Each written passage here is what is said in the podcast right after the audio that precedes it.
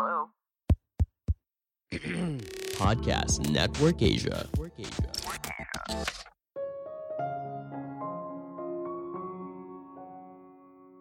Menjadi orang yang beruntung adalah keahlian super yang paling hebat di dunia.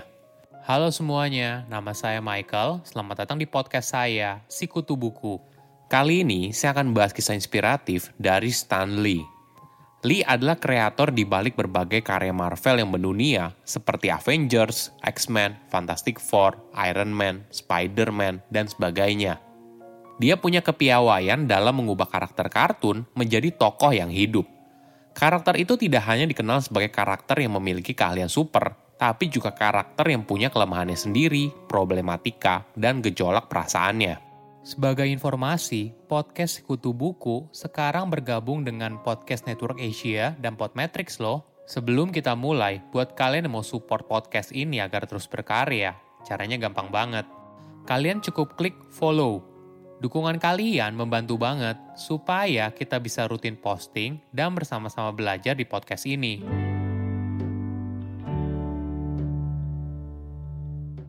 Stanley Martin Lieber atau dikenal dengan nama Stanley lahir pada tahun 1922 di New York, Amerika Serikat.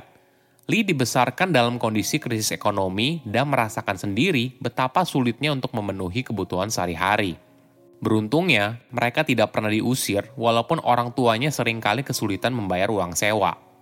Ayahnya bekerja sebagai pemotong pakaian, dan selama krisis ekonomi, sayangnya tidak banyak kebutuhan untuk memotong pakaian. Hal ini membuat ayah Lee sering kali menganggur. Lee terpaksa harus bekerja sedari kecil untuk membantu ekonomi keluarga. Dia pernah menjadi office boy, menulis obituari, dan banyak pekerjaan lainnya. Pengalaman ini membentuk Lee di kemudian hari menjadi pribadi yang prioritaskan pekerjaan di atas segalanya. Ibu Lee merupakan ibu yang luar biasa. Saat kecil, Lee banyak mendapatkan dukungan dari ibunya. Misalnya ketika Lee pulang dari sekolah dan memamerkan karya yang ditulisnya. Ibunya langsung memuji dan bilang kalau Lee merupakan Shakespeare masa depan. Dukungan inilah yang membuat Lee merasa dirinya bisa jadi apa pun. Walaupun punya mimpi yang besar untuk menjadi penulis, keterbatasan ekonomi membuat Lee tidak bisa melanjutkan kuliah. Dia lalu bekerja sebagai asisten di kantor penerbit sepupu iparnya bernama Timely Comics ketika lulus sekolah. Di kemudian hari, Timely Comics akan berubah nama menjadi Marvel Comics. Saat bekerja di sana, Timely Comics baru saja membuka departemen komik yang berisi editor dan artis di balik Kapten Amerika. Lee bertugas untuk mengerjakan banyak hal, mulai dari mengganti tempat tinta, membeli makan siang, menghapus halaman, hingga mengkoreksi apabila ada kata yang salah. Tidak lama kemudian, kedua orang itu dipecat dan akhirnya hanya Lee sendirian di sana. Dia lalu ditanya, apakah bisa menjalankan departemen komik. Saat itu dirinya baru 17 tahun dan bilang tentu saja bisa.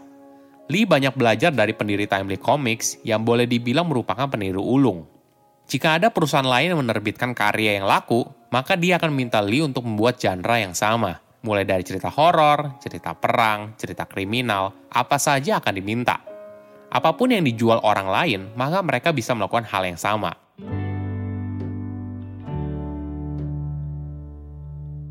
Kondisi ini lama-kelamaan buat Lee menjadi jenuh. Setelah melewati masa keemasannya selama Perang Dunia Kedua, komik mengalami masa-masa yang buruk. Pada tahun yang sama, otoritas kode etik komik dibentuk di Amerika Serikat untuk mengatur konten yang diterbitkan di dalam komik. Mereka beranggapan komik dengan nuansa kekerasan dapat mendorong kenakalan remaja. Hal ini membuat para penulis komik jadi kesulitan, sehingga banyak penerbit banting setir ke genre romansa. Lee frustasi atas kondisi ini dan bilang ke istrinya kalau dia ingin mengundurkan diri. Istrinya lalu memberikan saran, sebelum kamu berhenti, kenapa tidak buat cerita seperti yang kamu inginkan? Hal terburuk yang bisa terjadi cuma dipecat kan? Toh juga kamu ingin berhenti. Saran istrinya bertepatan dengan munculnya Justice League di penerbit saingan bernama National Comic Publication yang di kemudian hari menjadi DC Comics. Pemilik Timely Comics juga meminta Lee untuk menciptakan sebuah komik yang berisi sekelompok pahlawan super. Lee lalu mulai berpikir dan mencari inspirasi. Hingga akhirnya, dia berhasil menciptakan cerita Fantastic Four dan memberi karakternya problematika sendiri. Misalnya begini, Reed Richards adalah ilmuwan yang dikaruniai kecerdasan luar biasa tetapi hidup dengan perasaan bersalah yang dalam karena telah menyebabkan kerugian yang tidak dapat diperbaiki saat misi keluar angkasa. Ben Grimm yang berubah menjadi makhluk batu oranye yang mengerikan dan sangat kuat ditinggalkan oleh tunangannya karena penampilannya mengerikan. Johnny adalah remaja dengan kekuatan super, terlalu kekanak-kanakan untuk memahaminya, dan lebih sibuk dengan mobil balap dan berkencan dengan banyak wanita daripada membela dunia dari penjahat. Sedangkan Sue Storm berusaha menjaga tim agar tetap bersama dan pernikahannya dengan Reed tetap hidup, terlepas dari segala keraguannya. Komik itu ternyata sukses besar dan Lee diizinkan untuk terus bereksperimen dengan karakter yang punya kelemahan. The Fantastic Four lalu dilanjutkan dengan cerita Hulk, kisah tentang seorang pria yang ditakdirkan untuk berubah menjadi monster hijau dengan kekuatan penghancur yang tak terkendali setiap kali dia marah. Kemudian Spider-Man, seorang remaja lemah dan insecure yang memperoleh kekuatannya dari gigitan laba-laba. Pemuda itu dibully oleh teman-teman sekelasnya, dia harus membiayai kuliahnya dengan bekerja sebagai reporter, dan juga tidak tahu bagaimana cara mendekati gadis yang disukainya.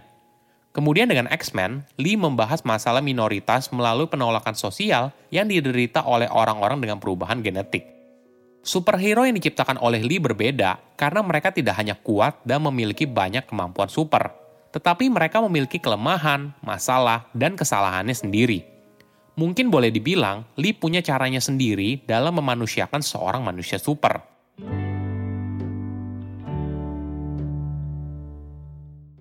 Kesuksesan karakter yang dibuatnya juga mendorong karir Lee.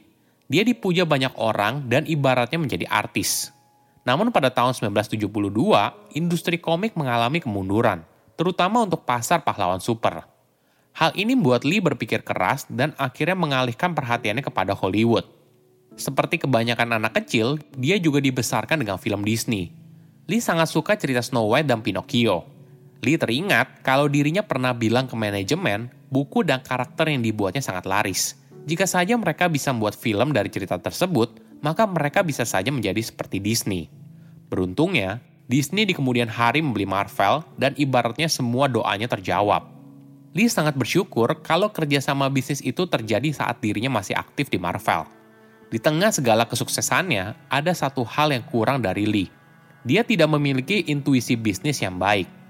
Lee tidak pernah menjadi pemilik dari Marvel, sehingga dirinya tidak mendapatkan uang yang banyak, padahal kesempatan itu muncul berulang kali. Pada tahun 1960-an, Lee pernah diangkat menjadi presiden dan chairman di Timely Comics saat dijual kepada pihak lain. Namun ketika dewan perusahaan meminta dia untuk buat rencana tiga tahun ke depan, Lee menjawab kalau dirinya tidak tahu tiga tahun ke depan akan seperti apa, toh dia bahkan tidak tahu besok pagi mau sarapan apa. Setahun kemudian, Lee mengundurkan diri dari posisinya. Dia tidak suka kalau harus membaca laporan keuangan, memberikan arahan perusahaan ke depannya gimana, Lee lebih suka menulis cerita. Pada tahun 1998, Lee mendirikan Stanley Media, perusahaan produksi dan marketing berbasis internet. Namun sayangnya, perusahaannya bangkrut pada tahun 2006. Selama bertahun-tahun, banyak anak kecil bertanya kepada Lee, apa keahlian super terhebat? Lee selalu bilang keberuntungan. Jika kamu beruntung, maka semuanya akan berjalan dengan baik. Saya undur diri, jangan lupa follow podcast Sikutu Buku. Bye-bye. Hai para pendengar podcast Sikutu Buku.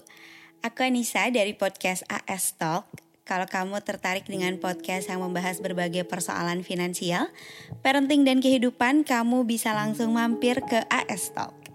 Di sini kita akan ngobrol-ngobrol santai dan tentunya bermanfaat untuk kamu. Aku tunggu ya di podcast AS Talk bersama aku Anissa.